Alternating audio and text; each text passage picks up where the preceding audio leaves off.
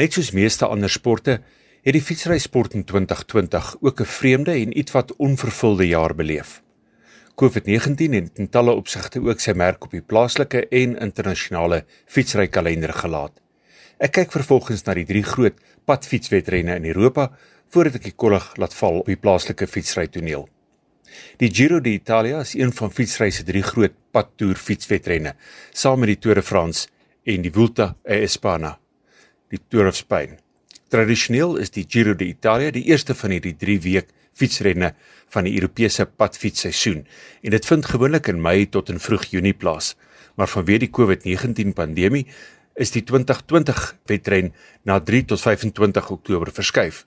Die Giro, soos wat dit kortweg bekend staan, vind hoofsaaklik in Italië plaas, maar in sy 103 jaar bestaan het die roete dikwels ook ander Europese lande ingesluit. Vanjaar se Giro sou in Hongarye begin het, maar daardie deel van die toer het uiteindelik in die slag gebly. Die Giro is vanjaar oor 3495 km en 21 skofte beslis en die wegspring was in Montreal op die Italiaanse eiland Sicily, nie ver van die hoofdorp op hierdie eiland, Palermo. Die Giro is veral bekend vir sy skofte in die Hoë Alpe en die Dolomietberge van Italië. Beroemde bergpasse en klimme sluit in Passo della Stelvio, Passo Gavia, Monte Zoncalon, Passo de Monterolo en Passo Giao. Vanjaar se uitgawe van die Giro het nie minder as 3 tydtoetse ingesluit en vanjaar se derde en laaste tydtoets was juis op die laaste dag van die toer en dis waar die vonke gespat het. Want dit was in hierdie finale tydtoets waar Groot-Brittanje se Tao Geoghegan Hart van die Ineos Grenadiers span 'n verrassende oorwinning in vanjaar se Giro behaal het, toe hy Jay Hindley van Australië en die Sunweb span geklop het en so die toer algeheel 39 sekondes voor Henley geëindig het. Henley se spanmaat in die Sunweb span, Wilco Kelderman van Nederland, was algeheel derde, 1 minuut 29 sekondes agter die wenner Geoghegan Hart. En van Geoghegan Hart gepraat, uiteindelik reeds op die voorlaaste dag tydens die 20ste skof sy groot aanslag begin toe hy sy tweede skof van die toer gewen het met die finale bergskof na Sestriere met Jay Hindley in die tweede plek. As die podiumname in vanjaar se Giro so ietwat onbekend op die oor klink, is dit te verstaane. Dikwels gebeur dit dat die werklike groot kanonne van die eysterperde nie aan die Giro deelneem ten einde hulle self vas te hou vir die Tour de France, wat die tweede van die drie groot jaarlikse fietstoere is. In 2020 was dit amper nog meer as gewoonlik die geval, veral omdat die jaars met al die onsekerhede in die lug bewyse van spreek en met minder kompeterende wedloop as gewoonlik onseker was presies hoeveel brandstof hulle in die tank gehad het, oftewel hoeveel bergklimme in hulle bene was. In ieder geval, soos met die ander twee groot toere, het ook die 2020 Tour de France op 'n stadium gevaar geloop om gekanselleer te word vanweë die COVID-19 pandemie. Die oorspronklike wegspringdatum vir die 2020 Tour de France was vir 27 Junie geskeduleer, maar al wat op daardie datum weggespring het, was die virtuele Tour de France wat met behulp van Zwift in meegeding is. Later meer oor die virtuele Tour de France. Op 14 April het die International Cycle Union, kortweg bekend as die UCI, aangekondig dat die wegspring van die Ware Jakob Tour de France tot 29 Augustus uitgestel is. Dit was die 107de uitgawe van die Tour de France. Die wegspring was in Nice in die suide van Frankryk en vanweë die COVID-regulasies in Frankryk en 'n beperking op die reisreëlings van die jaars en die ondersteuningsspanne het die eerste 3 skofte van vanjaar se toer in en rondom Nice plaasgevind. Dit op sigself al was 'n groot verandering ten opsigte van ander toere waar die ryers as hulle eers die pad gevat het, die wegspringdorp of stad hulle nie gou weer sien nie. Die uitsondering natuurlik is in daardie jare wat die toer in Parys weggespring het, want die wedren eindig tradisioneel ook in die Franse hoofstad. Veral in die beginjare van die toer het dit dikwels in Parys begin en geëindig. Dit was eers in 1926 dat die toer vir die eerste keer buite Parys weggespring het. In 2003, terloops, in die Eurofeesjaar, het die toer weer in Parys weggespring en natuurlik gebruiklikerwys daar geëindig. Altesaam 176 ryers van 22 spanne het in vanjaar se Tour de France weggespring. En watse verrassings het die 2020 Tour de France nie opgelewer nie. Indien 'n mens van eerstes en rekords hou, dan was hierdie jou jaar. Die groot en bekende name in wêreldfietsry het behoorlik op hulle herrie gekry of was in sekere gevalle glad nie gereed vir hierdie toer en moes daarvan onttrek, selfs voor hy die eerste speek in vanjaar se toer gesing het. So byvoorbeeld het die verdedigende kampioen van die Ineos Grenadiers span, Egan Bernal, wat een van die beroepsweders se voorafgunstlinge was, asook Bernal se spanmaat Geraint Thomas wat in 2018 die toer gewen het, asook die viermalige wenner Chris Froome, het almal van die toer onttrek nadat hulle vertonings in die Criterium du Dauphiné, 'n vyfskof voorbereidende toer in Augustus in Frankryk, gewys het dat hulle voorbereiding glad nie op standaard vir die Tour de France was nie. Nog een van die voorafgunstlinge was Thibaut Pinot, maar hy moes vanweë 'n besering aan die toer onttrek. Alexander Christoph van Noorwe het die eerste skof aan die voorpunt van die bondel gewen en daarmee vanjaar se eerste draer van die geeltrui geword. Die Fransman en groot gunsteling natuurlik onder die plaaslike skarre, Julien Alaphilippe, het die tweede skof gewen en die nuwe draer van die geeltrui geword. Maar tydens die vyfde skof is Alaphilippe met 20 sekondes gestraf toe hy kos te naby aan sy spanvoertuig ontvang het. Hy het daarmee die geeltrui afgestaan en dit nooit weer herwin nie.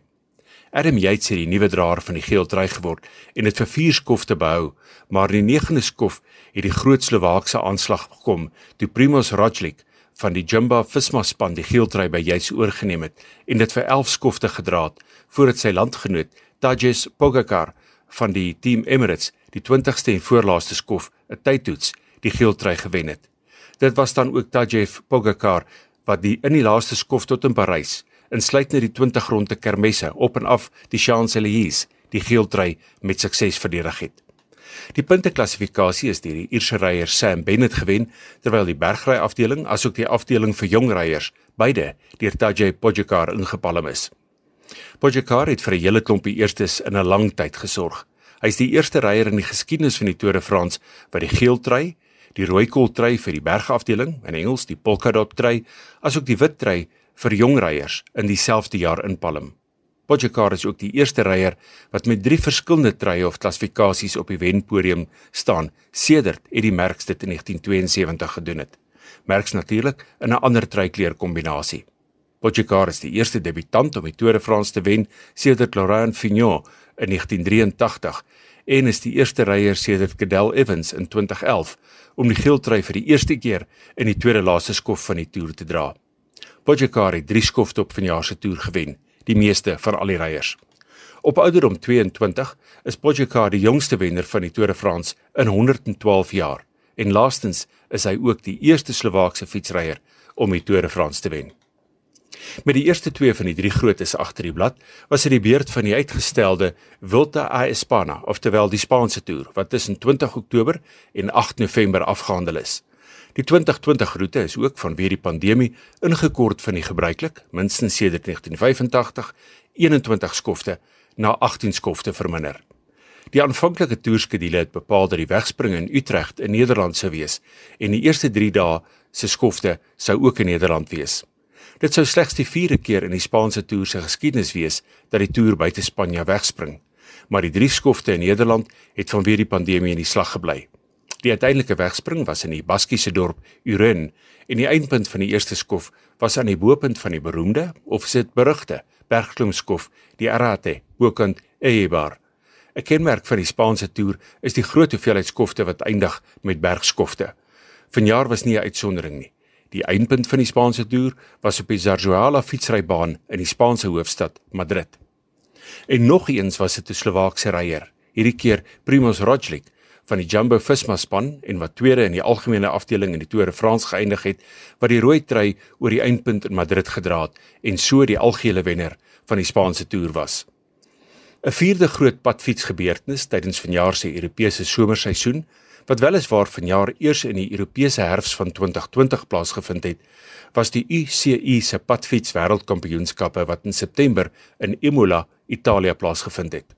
Wat die mans padwedren betref, het Julien Alaphilippe die goue medalje gewen met België se Wout van Aert wat die silwer medalje gewen het en Switserland se Mark Hirschi die brons. In die mans tydtoets afdeling het Filippi Ganna van Italië met die goud weggestap. Wout van Aert van België het sy tweede silwer van die kampioenskappe gewen en Stefan Kung van Switserland het brons gewen. Die vroue padwedren is deur Anna van der Breggen gewen, 1 minuut en 20 sekondes voor haar landgenoot van Nederland, Annemiek van Vleutenen, met Italië se Elisa Longa Bongini wat brons gewen het. Anna van der Breggen van Nederland het ook die goud in die vroue tydtoets afdeling gewen, gevolg deur Marion Reuser van Switserland en nog 'n Nederlander, Ellen van Duyk, wat die bronsmedalje verower het. Nader aan die huis is ook die Suid-Afrikaanse fietsry kalender erg geknou deur die COVID-19 pandemie. 'n Bekende gunsteling wedren op die Suid-Afrikaanse kalender wat net net voor die afkondiging van die nasionale grendeltyd in Maart afgehandel is, is die Kaapstad fietstoer of onder sy amptelike Engelse naam die Cape Town Cycle Tour, vroeër bekend as die August fietstoer. Op 8 Maart vanjaar het 22500 deelnemers weggespring, sowat 600 minder as 2019 se 3136 deelnemers. Die mans het oor 'n afstand van 109 km meegeding en die vrouens oor 78 km. Die Suid-Afrikaners Travis Barrett in 2 uur 30 minute en 4 sekondes het die mansafdeling gewen en sy landgenoot Cherise Willett die vroueafdeling in 207.48. Die baie taai maar immer gewilde Cape Epic sou vanjaar in Maart in die Kaapse Wynlande plaasgevind het, maar moes gekanselleer word. Die organiseerders het toe hulle hoop geplaas en solank begin beplan aan die 2021 uitgawe van die Epic. Maar vroeg in Desember 2020 moes die organiseerders die moeilike besluit neem dat in die lig van hernuide vlag COVID-19 gevalle en die groot onsekerheid oor toekomstige reisreëlings en massa deelname aktiwiteite om die 2021 Cape Epic te verskuif na 17 tot 24 Oktober volgende jaar. Laastens, ek het vroeër in hierdie terugblik verwys na virtuele fietswedrenne. Alhoewel hierdie formaat van fietsry veral gedei het tydens vlak 5 en 4 Grendeltyd vroeër vanjaar, is dit 'n sportsoort wat reeds voor die pandemie internasionale status geniet het. Gedurende September 2018 het die UCI die amptelike erkenning aan die UCI e-sport wêreldkampioenskappe verleen. Fietsry was die eerste sport wat sy internasionale beheerliggaam amptelike erkenning aan die virtuele weergawe van die sport as 'n volwaardige subdissipline van die sport erken het. Tans is die ICI en Zwift 'n rekenaartoepassing vir die virtuele fietsrysport 'n noue samewerking om hierdie dissipline in fietsry verder te ontwikkel. Dit is Heinrich Schulze vir RSG Sport in Pretoria.